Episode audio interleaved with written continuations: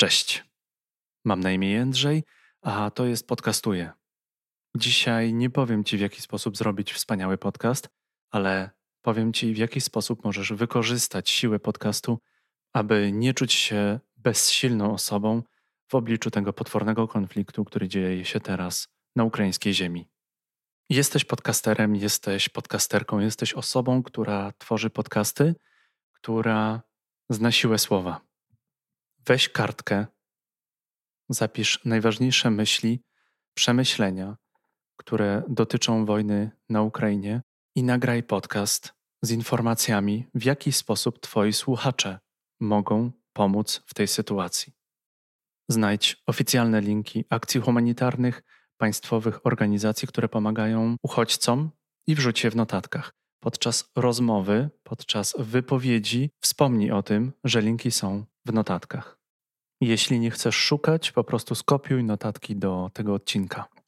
Nagraj podcast, w którym wyrazisz, jednoznacznie potępisz tę potworną napaść Rosji na Ukrainę.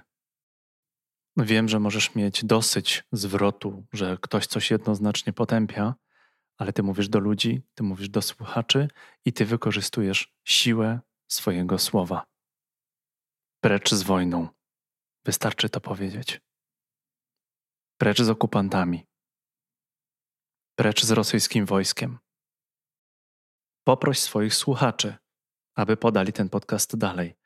Niech szerzy się dobre słowo, niech szerzy się siła słowa potępiającego rosyjską armię potępiającego Putina, potępiającego te potworności, które obecnie Rosjanie wyrządzają kraju naszego sąsiada.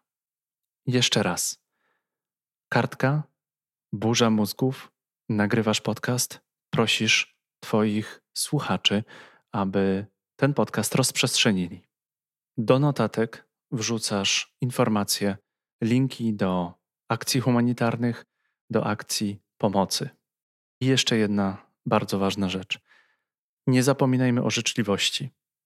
Ukraińcy, którzy są w Polsce od kilku lat, mają tam rodziny. Te rodziny prawdopodobnie teraz jadą do Polski, uciekają z kraju, mają przeogromne problemy.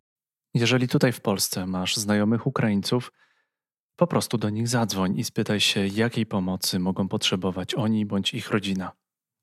Jeżeli masz znajomych w Ukrainie, Zainstaluj sobie aplikację Telegram, Viber, WhatsApp, zadzwoń do nich, spytaj się, w jaki sposób możesz im pomóc. Nic nie szkodzi, aby zadzwonić do przyjaciół, spytać się: Słuchaj, mój drogi, w jaki sposób mogę ci pomóc, czego potrzebujesz, czy twoja rodzina czegoś potrzebuje. W tej okropnej wojnie nasza życzliwość może być również bardzo silnym orężem. Jesteśmy świadkami potwornej wojny, wojny terroru, śmierci. Słowem również można walczyć, dlatego nagrywaj podcast i staraj się utrzymać spokój. Życzliwość wobec Ukraińców powinna być pierwszym naszym odruchem w momencie, kiedy ktoś z Ukraińców prosi o pomoc. Powinniśmy również pytać, w jaki sposób my możemy pomóc. Moja rodzina udostępnia jedno mieszkanie dla osób, które uciekły przed wojną. Moja ciocia udostępnia pokoje w hotelu który prowadzi. Jeżeli masz możliwość udostępnić mieszkanie, pomieszczenie, hotel, miejsce jakiekolwiek dla osób, które właśnie uciekają przed wojną, w notatkach znajdziesz link do rządowej strony koordynującej te akcje. Wojna dzieje się również w naszych głowach. Rosjanie mają wyszkolonych troli, którzy non-stop siedzą w internecie, siedzą w social mediach i delikatnie podważają status quo. Kwestionują, zadają niewygodne pytania. Jeżeli siedzisz w social mediach i widzisz komentarze, filmy, wypowiedzi osób, które w jakikolwiek sposób podważają to, co się dzieje na Ukrainie, które w jakiś sposób wybielają działalność wojsk rosyjskich bądź zrzucają winy na Ukrainę, to wiedz, że prawdopodobnie jest to troll opłacany przez Putina. Taką osobę można zgłosić do Facebooka, LinkedIna, Twittera, TikToka, gdziekolwiek i ta osoba powinna być banowana od razu.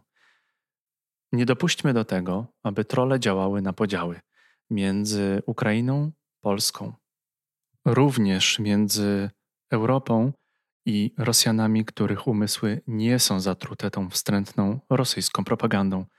Wiemy, że obecnie w Petersburgu, Moskwie i w kilkunastu innych miastach mają miejsce demonstracje antywojenne, które są rozpędzane przez tamtejszy OMON.